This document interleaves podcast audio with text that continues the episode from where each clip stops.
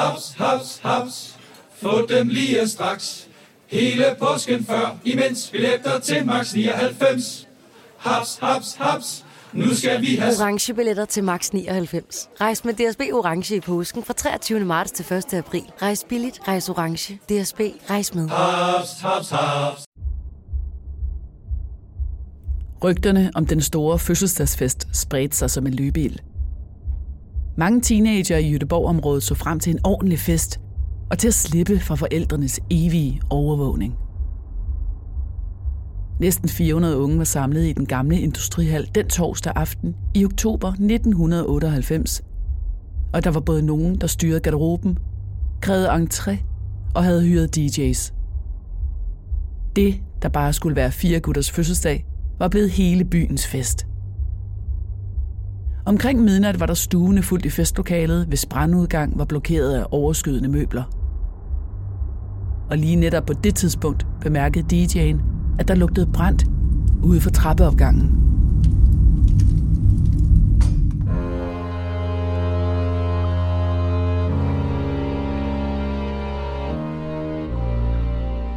Du lytter til Mor i Nord. En podcastserie om nogle af de mest opsigtsvækkende drabsager fra Norden.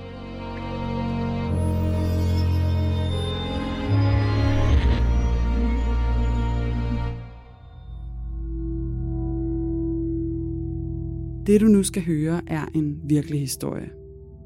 Den er researchet og fortalt af Janne Ågaard og læst op af Le Gammeltoft.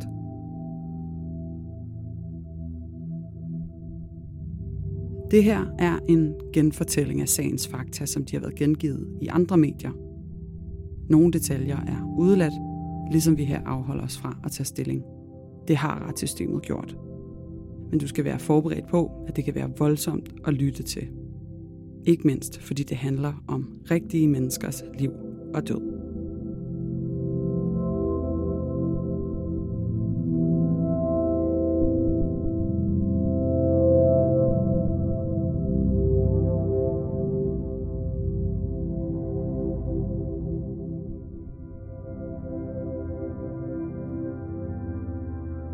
Den gamle smukke industrihal på Bakkerplan på Herkulesgade nummer 1 i Jødeborg var til dagligt festlokale for den makedonske forening i Sydsverige. Men fire unge mænd havde fået lov til at fremleje det et par hundrede kvadratmeter store lokale for at fejre deres fødselsdag. Normalt var der plads til 150 personer, men de flyttede borer og stole hen i den fjerneste trappeopgang, der fungerede som nødudgang. På den måde kunne der være plads til mange flere. En af arrangørerne var den 27-årige Parash Lama, der havde tibetansk baggrund. En anden af værterne var en 18-årig makedoner.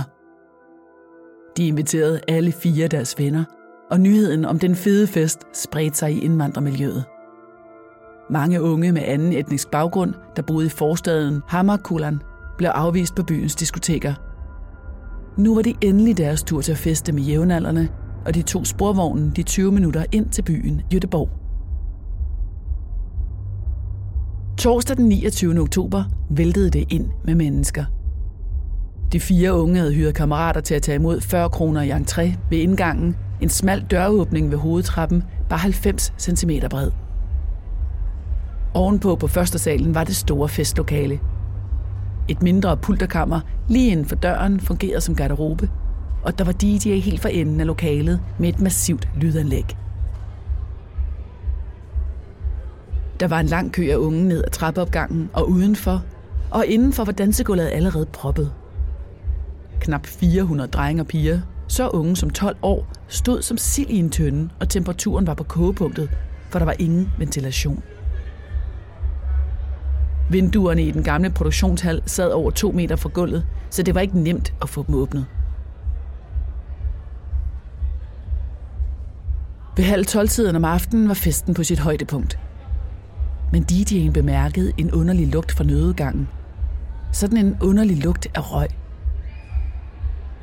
Han stoppede musikken og sagde i mikrofonen, at der var brand, og at alle skulle forlade lokalet stille og roligt.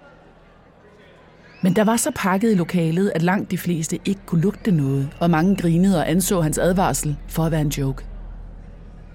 En ung mand hoppede op på scenen og begyndte at rappe.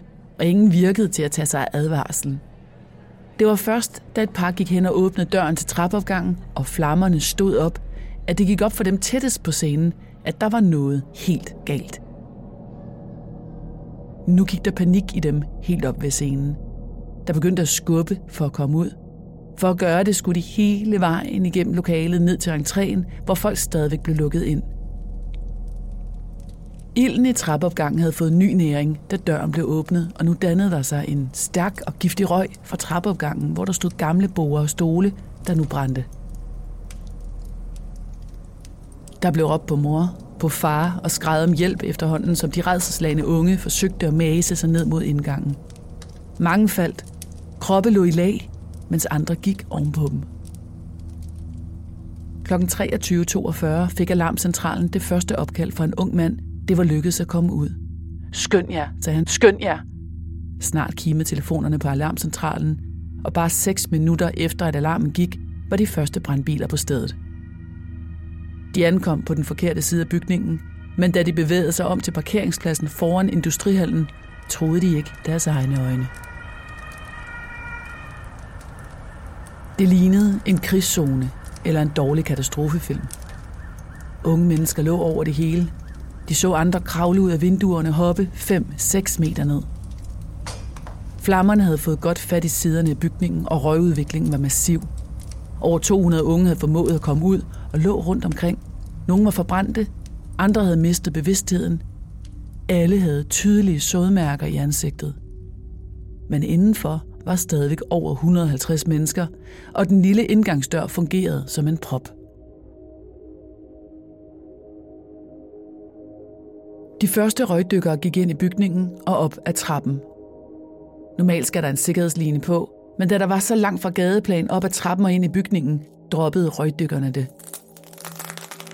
Da de nåede den smalle dør ind til festlokalet, måtte de bjerge de første 20 døde ud, for at gøre det muligt at gå ind i lokalet. Derefter kunne de ane, at hele lokalet var fyldt. Lag på lag af mennesker lå på gulvet. Nogle havde gemt sig i skabe og var døde af røgforgiftning. Andre lå nedtrampet på gulvet. De fleste var bevidstløse af den giftige røg. Når jeg lukker øjnene, husker jeg kaoset, skrigende, de unge mennesker, der var overalt, og hvordan alting bare voksede og voksede, fortalte en af politimændene bagefter til pressen. Nogle af de unge mænd, der var kommet sikkert ud, dannede en kæde fra indgangsdøren og ned ad trappen. Røgdykkerne startede ved indgangen og tog folk ud en efter en. De tog dem, der viste tegn på at være i live, og lod de døde ligge. Flammerne rasede stadig, og røgudviklingen var så stærk, at det var svært at se, hvem der var levende og hvem der var døde. En hver, der bevægede sig, blev prioriteret. Røgdykkerne trak hver enkelt person ud hen over massen af kroppe. Ud til de unge på trappen, der så bar dem ned på parkeringspladsen, hvor der nu var pakket med ambulancer og politi. Det var midnat, Forældrene var blevet ringet op af desperate sønner og døtre, som havde ringet rundt til andre forældre, og nu ankom de til et kaos af blå blink og bevidstløse børn. Nogle af dem var døde af røgforgiftning og lå på den mørke asfalt. Min datter så ud, som om hun sov, så fredfyldt, fortalte en grædende far senere.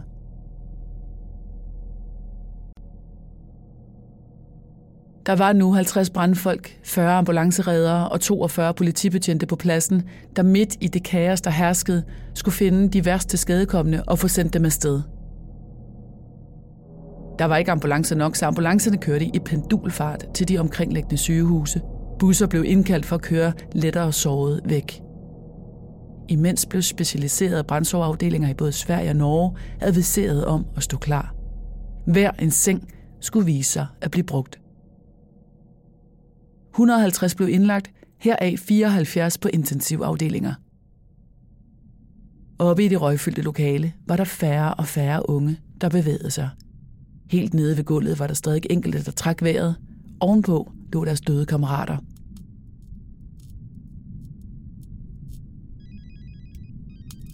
Røgdykkerne hørte lyden af ringende telefoner og åbnede døren til den intimistiske garderobe i det store pulterkammer.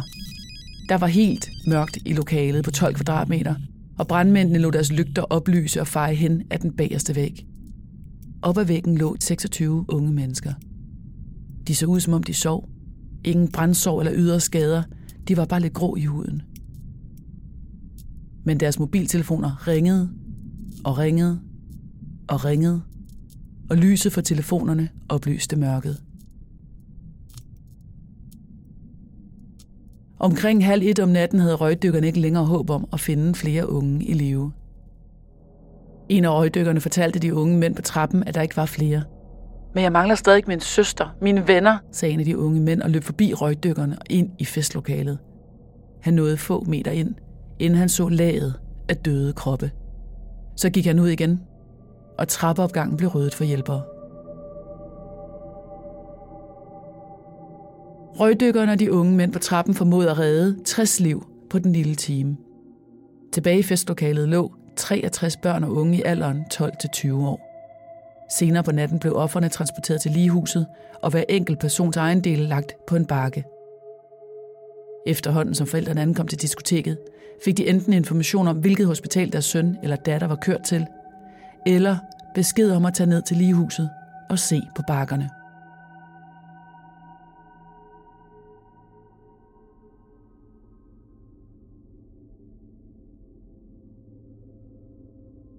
Det lignede og føltes som en krigszone der midt i det fredelige Sverige. Rygterne om, at branden var påsat floreret blandt de unge overlevende, og da ilden blev endelig slukket klokken 2 om natten, overtog politiet gerningsstedet. De begyndte efterforskningen, da de sidste sårede var blevet kørt væk. Mange slægtninge og ofre for branden søgte tilflugt i Hammerkullens kirke. Her åbnede kirken på eget initiativ kl. 2.30, og flere hundrede mennesker strømmede derhen for at søge hjælp og støtte. Mange overnattede i flere dage. Det var mennesker, der var flygtet fra krig og lidelse, og ingen havde forventet at miste deres børn i det nye og så ellers så sikre hjemland, Sverige. Den brandtekniske undersøgelse bekræftede hurtigt, at branden var startet ved trappen, altså nødudgangen i den fjerne ende af lokalet. De mange møbler var blevet antændt med enten tændvæske eller papir, og da en af de unge havde åbnet døren til trappen, havde ilden taget endnu mere fat. Det skulle vise sig at blive en af svensk politis største udfordringer, og over 2.000 mennesker blev afhørt. Bare 20 timer efter branden begyndte, blev den første pressekonference afholdt, blandt andet med deltagelse af daværende statsminister Jørgen Persson. Når så mange unge dør på én gang, gribes et helt samfund af sorg. Det svenske kongepar var på udlandsrejse og overvejede at aflyse turen, men endte med at besøge offerne i Jødeborg ved deres hjemkomst en uge senere. Mange af offerne var makedonske eller fra andre etniske minoriteter. I alt var 19 nationaliteter repræsenteret blandt offerne. De mange spændinger mellem gamle og nye svenskere blev lagt til side. Som en af de overlevende sagde, i sorgen er vi alle lige. Det er en skam, at det kun er i kriser, at folk samles som forenet. Jeg vil ønske, at vi altid kunne se på ligheder i stedet for forskel.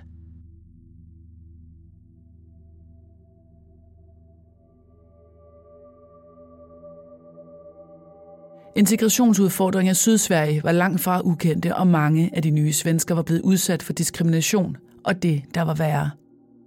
Politiets teori var også for begyndelsen, at det var racistiske motiver bag morbranden – Flere dage efter branden blev der sat plakater op i Jødeborg, og på en af dem stod 60 emigrante unge er døde. Nu skal 60 svenskere dø.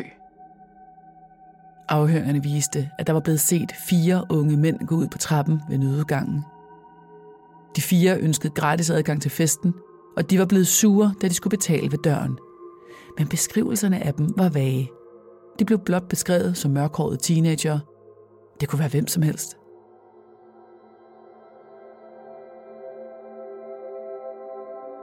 Et år efter branden var der ingen anholdte, og presset på politiet for en opklaring voksede.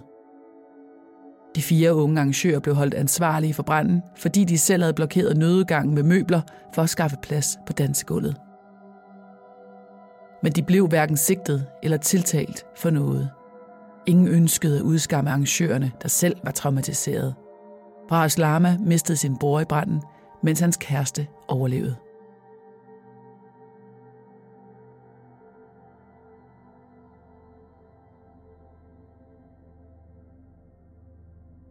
I december 1999 udlovede regeringen en dusør på over 3 millioner svenske kroner, omkring 2 millioner danske nutidskroner, og dagen efter kom et brugbart tip. I januar 2000 blev tre unge anholdt og sigtet for grov brandstiftelse. En fjerde blev fundet i februar. Allerede den 3. maj blev en retssag berammet mod de fire gerningsmænd, der alle var mellem 17 og 19 år, og alle havde iransk baggrund. Ved retssagen måtte anklagemyndigheden lege en udstillingsbygning for at få plads til både tilhører og presse. I retssalen blev en række eksperter afhørt, blandt andet de brandtekniske eksperter, der havde gennemført en simulering af branden sammen med det svenske undersøgelsesudvalg, en slags havarikommission på land. Det var den største tragedie i Sveriges historie, næst efter færgen Estonia forliste i 1994. De fire unge havde fundet noget pap og antændt det, lagt det under møblerne i trappeopgangen og derefter moset sig ned ad nødgangen. Døren ud havde de ladt stå åben, og dørens automatiske svingarm manglede. Det betød, at ilden havde fået ekstra godt fat. Oppe på dansegulvet havde ilden også spredt sig. Gulvet var af linoleum oven på masonit, altså plader lavet af træfiber. Det var med andre ord den perfekte føde for branden. Afhøringerne af de fire tiltalte blev transmitteret og kan stadig høres den dag i dag i forskellige radioudsendelser. En af gerningsmændene havde ringet og angivet kammeraterne, og han fortalte med tynd stemme i retssalen om, hvordan de fire var løbet efter at have startet branden. Mens de stod og ventede på bussen, havde hans mavefornemmelse været at gå tilbage og slukke ilden. Men så kom bussen. De fire blev dog ikke anklaget for morbrand, kun grov brandstiftelse – alle fire blev dømt i byretten i Jødeborg, og den, der indrømmede at antændt branden, fik 8 års fængsel. De to andre fik 6 år. Den fjerde gerningsmand på bare 17 år fik 3 år på en ungdomsinstitution. Både forsvarer og anklager appellerede dommen, og landsretten stadfæstede alle kendelserne og hævede straffen for to af gerningsmændene for 6-7 års fængsel. Ingen fik held med at få sagen optaget i højesteret.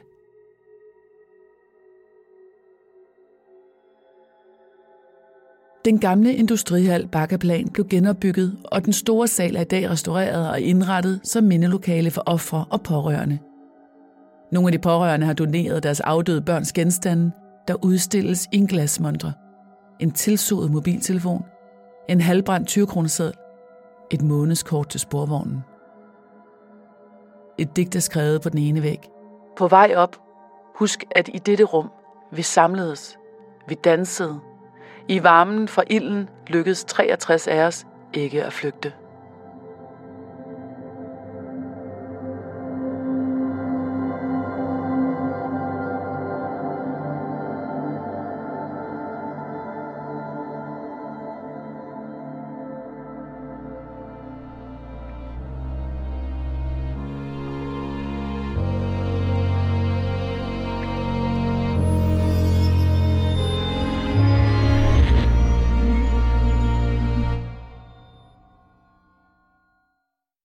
3F er fagforeningen for dig, der bakker op om ordentlige løn- og arbejdsvilkår i Danmark.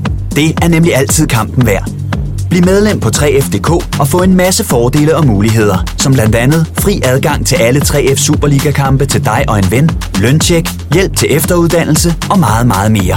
3F gør dig stærkere.